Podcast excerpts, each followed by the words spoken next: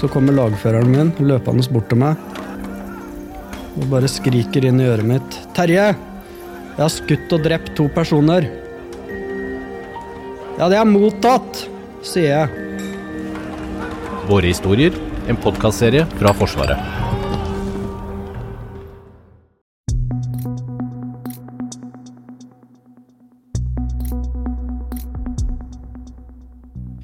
Krigen mellom Hamas og Israel er til sammen mer enn 12 000 mennesker drept, og mer enn 4000 av dem er barn.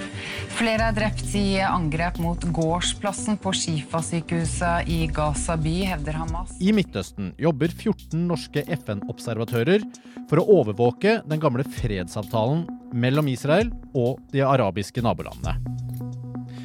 Hvordan er det mulig å gjøre en god jobb som FN-observatør når du befinner deg midt i den krigen som pågår nå? Du hører på Forsvarspodden, og jeg heter Lars Hallingstorp. Det har ikke vært lett å få tak i sjefen for observatørstyrken i Libanon, eh, oberstløytnant Fritz Atle Andersen. Og forklaringen er enkel. I et bombeshelter er det dårlig dekning. Uh, mitt kontor er i, Inakura, i Nakura, og det er jo da Det er vel en fem-seks uh, kilometer nord av den blå linja, Blue Line, som er da grensa mellom Israel og, og Libanon. Og, og i, her er vi jo kolokalisert sammen med, med Unifil. Så det er jo eh, mange norske eh, styrker, som er, mange norske soldater som har tjenestegjort det her eh, i Unifil i, på, hovedsakelig på 80- og, 80 og 90-tallet. Hvordan har du opplevd de siste ukene? Uh, nei, Hvis vi går tilbake til uh, 7.10, da når uh, Hamas uh, angrep Israel, så endra jo på en måte hverdagen seg egentlig over natta. Og eh, hverdagen har blitt måte mer uforutsigbar. Eh, ikke, så mye, ikke, så mye, for meg, for jeg sitter jo mest eh, hovedsakelig på kontor her i Nakura. Men for, for, observatørene mine, og det gjelder jo in, in, inklusiv de, de, mine norske observatører her, så situasjonen har blitt mer uforutsigbar. Vi planlegger våre patruljer. Men uh, vi har jo sittet uh, nesten uten unntak daglig periodevis i shelter. Og det gjør jo det at uh, da får vi ikke vært ute og gjort primærjobben vår. Når du sier at dere sitter mye i shelter, betyr det at det er, dere befinner dere i et område som, som, er, som er farlig? Altså, ser dere noen kamphandlinger? Er det Nei, altså, Det er jo aktører her i Sør-Libanon som en måte støtter den palestinske saken i, i Gaza og på Vestbredden. Og de har jo på en måte angrepet, angrepet Israel med bl.a. raketter. Det er jo ikke altså, Med det vi tenker på Uh, direkte kamphandlinger, så tenkte vi kanskje mer på, mer på uh, soldat mot soldat. Men det, det, er jo ikke det som skjer her. Det er mer sånne uh, man, altså Her forsøker man jo da å ta ut f.eks. Uh, overvåkningskamera, israelske overvåkningskamera, og, og skade israelske posisjoner langs blue line eller, eller den blå linja. Og så er det slik at da forsvarer jo israelerne seg og, og, skyter tilbake og prøver å ta ut de utskytningsplassene som de uh, detekterer og identifiserer her på libanesisk side av, av Blue Line. Så det er ingen, ingen, av dine eller du som har ikke blitt skada under, under disse angrepene? Nei, ingen av mine har blitt skada. Men uh, det har vel vært et par uh, Unifil-soldater som har fått, uh, blitt lettere skada. Det ene var vel en, en trommehinne som ble sprengt. Og så var det vel noen rikosjetter fra en murvegg som traff en person, så vidt jeg kjenner til. Så det er Vi er ikke noe Vi er ikke en part i konflikten, og eh, eh, er jo ikke et, ikke et target eller et mål for noen av partene. Um, har, har dere noen rolle uh, i den konflikten som pågår mellom uh, Israel og, og, på Gaza? Nei, vi har ikke noe uh, rolle i den. Altså De våpenhvileavtalene som her foreligger, foreligger jo mellom staten Libanon og Israel, og Israel og Syria. Så det som foregår Eh, på, Vest, eh, på, Gaza, det er ikke en del av vårt mandat. Er krigen på Gaza noe dere eh, snakker mye om? Nei, altså De diskuteres jo det. fordi at eh, det som skjer på Gaza, har en direkte innvirkning på hvordan partene her i Libanon eh, agerer. Um, så vi håper jo og tror på det at så fort det blir inngått en våpenhvileavtale på Gaza, så vil også situasjonen normalisere seg her i, eh, her i Libanon. Men det, jo, det, der blir jo eh, spekulasjoner. For det, eh, vi vet jo ikke hvordan eh, ledere i de forskjellige organisasjonene tenker. Men eh, eh, det som skjer i Libanon, er, en direkte konsekvens av det som skjer på, på, på Gaza. Det tror jeg vi kan si med stor grad av, stor grad av sikkerhet. Ja, for dere er jo Eh, observatører. altså Dere skal jo ikke da ta noen rolle eh, eller noen eh, part her. Men hva, kan du si noe mer konkret hva denne observatørrollen deres går ut på? Ja, altså Vi er jo en del av en observatørstyrke som bidrar med observatører i, Midtøsten, som Libanon, israelsk okkupert Golan og Syria. Og vi har også personell i i Egypt. Og øh, Jobben vår er jo da å assistere partene i å overvåke den, øh, de våpenhvileavtalene som det er blitt enighet om mellom, mellom, partene. Det kan f.eks. være å observere og, og, og, telle våpen og materiell, som er en del, en del av avtalen mellom Syria og Israel f.eks. Og I andre tilfeller kan det være behov for å støtte med ekspertise for å finne ut om eh, det er hold i eh, den ene parts eh, beskyldninger mot den andre. Eller at det er en påstand om at det har vært en, en, en grensekrenkning. Og disse, disse oppgavene her, de, de, løser vi jo da enten med statiske observasjoner fra eh, observasjonsposter. Eh, vi gjennomfører også mobile patruljer, der vi kjører da rundt i, eh, i biler innenfor eh, vårt ansvarsområde. Og vi observerer jo mens vi kjører, og eh, av og til så stopper vi og går ut. Og så eh, etablerer vi en midlertidig observasjonspost. Kan du si noe om hvordan de siste ukene har påvirka den jobben dere skal utføre? Nei, her så er det eh, pga. at vi bruker eh, mye tid i shelter, så vil jo det si at vi ikke får tid til eh, å drive patruljering.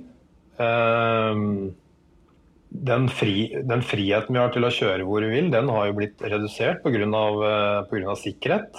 Uh, vi, er ikke no, vi, er ikke så mye nå langs Blue Line som vi var tidligere, i frykt for å bl.a. komme under uh, være på feil plass til feil tidspunkt, da, rett og slett. Og så er det jo faren for uh, uksor. Altså, altså det er jo uh, kan være ikke-eksploderte granater osv. som blir, blir, liggende igjen uh, i nærheten av der vi patruljerer. Og det har vi jo avdekka ved enkelte anledninger. Um, så eh, vi, vi, må jo være ute for å gjøre primærjobben vår, men uh, antall eh, aktiviteter har jo gått, gått drastisk ned nå etter at konflikten starta. Men vi er ute hver dag, og vi er ute og observerer, observerer hver dag. Og prøver å, gjøre, prøver å, gjøre, så mye som mulig innenfor de tidsvinduene vi har Eh, tilgjengelig når vi ikke eh, må i shelter eller må holde oss eh, rolig i en FN-posisjon. Fordi at sikkerhetssituasjonen ikke gjør det mulig. Bare sånn til slutt, Hvor mange, hvor mange nordmenn eh, er det der du er? Nei, Jeg kan i hvert fall si det at vi er, eh, vi er 14 observatører i Midtøsten. Det kan jeg si. Og de er da fordelt på Israel, Syria, Egypt og Libanon. Så jeg har jo stressa eh, blant eh, mine norske kolleger her at det er viktig å holde god eh, Varsle de hjemme, da. Familie, nære familie spesielt. At, eh, at vi er, er, i sikkerhet. Og så må jeg samtidig også si at av og til når vi sitter i shelter, så har vi ikke mobildekning. Så selv om man ikke får tak i oss hjemme i Norge, så er det ikke sikkert det er noe Mest sannsynlig er det ikke noe, noe fare likevel. Men uh, vi tar kontakt så fort vi har, uh, har, mulighet med våre kjære hjemme. Hanne Eggen Røiselien, eh, du har doktorgrad på det israelske forsvaret og er ekspert på Midtøsten. Du har vært der mye. Um, nå har vi hørt FN-observatør Fritz Atle Andersen fortelle om den nye hverdagen deres i Libanon. Mm. Altså, det er jo riktignok et stykke unna Gaza, men uh, kan Ikke så langt. Det er ganske smått der nede. Ja. Men kan du fortelle oss, hvem er det i kryssilden mellom? Altså Disse er jo i Libanon. Dette er, eh, Kort fortalt så er jo dette mellom eh, Israel og Hizbollah. Og det som du spør om, Hizbollah er jo en utrolig viktig part i dette. Hizbollah er altså en shia-muslimsk eh, organisasjon i Sør-Libanon som da har veldig tette bånd til Iran. Eh, og det er jo Iran i, som lusker i skyggene her i forhold til eh, eh, også til Hamas og til hvordan hele det israelske sikkerhetsmaskineriet eh, oppfører seg. Og hele hvordan du kan si nesten er tungen på vektskålene, hvordan konflikten utvikler seg seg videre. Sånn at svaret, det korte svaret er jo på en måte Israel og Hizbollah, men det dreier seg altså om hele essensen av den israelsk-palestinske konflikten og hvordan Israel forholder seg til regionen og til Iran. Hva er nytt? Hva er annerledes nå enn det du har, har vært vitne til tidligere? Hvis vi skal snakke, ta utgangspunkt i disse observatørene, som eh, jo poengterer at det er eh, en veldig utrygg situasjon, Eh, så er jo det faktisk en av de store skillene fra tidligere. Den israelsk-palestinske konflikten har vært relativt sett lite voldelig. Jeg har selv jobbet i en internasjonal observatørstyrke sør på Vestbredden. internasjonale har ikke blitt såret og drept i denne konflikten. det har vært et veldig brudd mellom Israel og Palestina og f.eks. hvordan krigen var i Irak, som var mye farligere. Sånn at eh, både humanitære og både, si, bistandsarbeidere og journalister har sånn sett gått i gåsehudene fri for, eh, for, for, vold. Da. Eh, slik er det jo ikke lenger. Um, nå ser vi jo sånn som det blir sagt her også om at Sør-Libanon, der begynner man jo å skyte med skarpt. Det er også i mye større grad en si, åpen krigføring. For ikke å snakke om Gaza. Vi ser jo de uh, tallene som kommer fra Gaza. Én ting er jo de sivile, men det er også internasjonal presse. Det er også FN-arbeidere. Uh, så hele karakteren på denne konflikten har jo endret seg. Den er voldsom, og den rammer både bredere, og den rammer også hele det internasjonale støtteapparatet. Du har som sagt skrevet en doktorgrad om det israelske forsvaret og besøkte besøkt Israel en rekke ganger. Hva vil du si overrasker deg mest med den krigen som nå utspiller seg i Gaza? Måten denne krigen nå utspiller seg på ja, Nå høres jeg fryktelig negativ og pessimistisk ut, men den gruser liksom mange av de andre løsningene vi har sett for oss. En tostatsløsning, f.eks. En trestatsløsning. Hvordan skal vi kunne Det er vanskelig å se for seg hvordan vi kommer ut av dette. Men hva er da målet til den israelske hæren? Umiddelbart så eh, sa jo det israelske forsvaret at de skal ødelegge Hamas. Og så har det blitt litt sånn journalistisk forklart om liksom nå skal da gruse Hamas. Og, eh, men det er, et, eh, det er et forskjell på en militær argumentasjon og en journalistisk argumentasjon. Eh, fordi det israelske forsvaret har jo da eh, ikke brukt eh, nødvendigvis bare sånne hva skal vi si, adjektiver som skal ødelegge. og sånt, ikke sant? Det er en måte å beskrive situasjonen på. Men det er også fordi det de sier, de har, de, de har en ambisjon om at de skal gjøre det umulig for Hamas å være en militær og sikkerhetsmessig trussel mot Israel.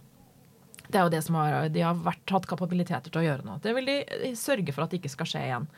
Men så er det tilleggsmål kan man kalle det det, som dreier seg om generell regional avskrekking.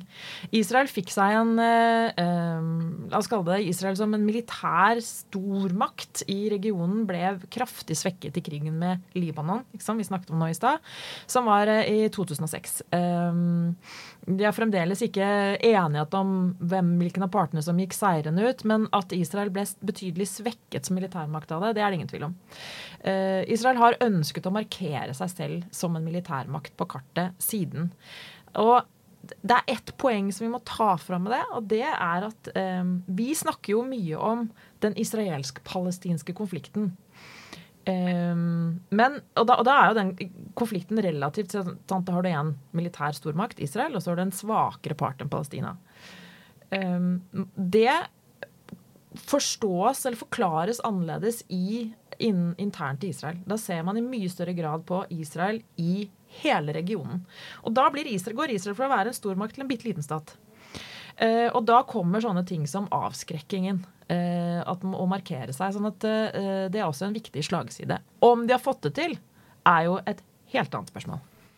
For da kommer vi litt inn på størrelsen. Og så Kan du si noe om, så vi forstår hvor, stor den, det, det, hvor stort det israelske forsvaret er? Ja, Det er et godt, veldig godt spørsmål. Det er litt viktig tenker jeg, noen ganger når vi skal prøve å forklare det. Hva er det vi, hva er det vi eh, ser på her? da, ikke sant? Eh, la oss bare ta noen tall til sammenligning. Eh, vi skal få det norske stats, I det norske statsbudsjettet så ønsker vi å komme oss opp omtrent 2 ikke sant, til Forsvaret. Eh, det israelske forsvaret ligger og vaker på 5% Det er det laveste det har gjort noen gang. Det har vært oppe på 17-18% men i tillegg så får de ekstra, et ekstra bidrag fra USA på ca. 4 milliarder dollar. Det meste av det er til Forsvaret. Ikke alt, eh, men mye av det. sånn at i realiteten så er det et betydelig større budsjett. Det andre er også når det går på rent personellsiden. Det norske forsvaret er vel 15 000-16 000. Og så legger du på 10 000 vernepliktige. Og så har vi litt sånn generelle tall her. 40 000 i Heimevernet. Det israelske forsvaret har en eh, grunnstruktur på 179 000. Uh, og så har de en uh, dette heimevernet deres, kaller det, da, som er reservistene deres, som er ytterligere i underkant av 400 000. Så i realiteten her så snakker vi jo om oppunder 600 000 som de da har å kalle på å bruke. Og de er jo også betydelig mer uh, kamptrening enn vårt heimevern. Husk at israelske menn er jo inne i 36 måneder. Og så er de på rep-øvelse én måned i året fram til de er noen og 40 år. Um, sånn at militæret er mye viktigere enn hva skal jeg si, mer betydelig del av den israelske folkestrukturen. Den krigen som pågår nå, mm. hvor, hvor, lenge kan den vare, og hva, hva ser du noe ende på den? Vet du hva? Jeg er uh, så lei meg. Um, jeg merker jo at offentligheten er lei seg. Og alle vi som har holdt på med Midtøsten i mange år, hvor sorgtunge vi har blitt av dette her. Um, alle løsninger har blitt uh, sørgelige og katastrofale. Da. Så jeg har så lyst til å være optimistisk, og så må jeg si at du møter meg på en litt uh, Denne måneden her er blitt, den er mørk, da. Mm. Du har hørt på Forsvarspodden. Hvis du abonnerer på oss får du nye episoder rett på telefonen din. De som lager Forsvarspodden, er Jørgen Lyngvær, Ragnhild Fjellro, Thomas Haraldsen, Hege Svanes og meg, Lars Hallingstorp.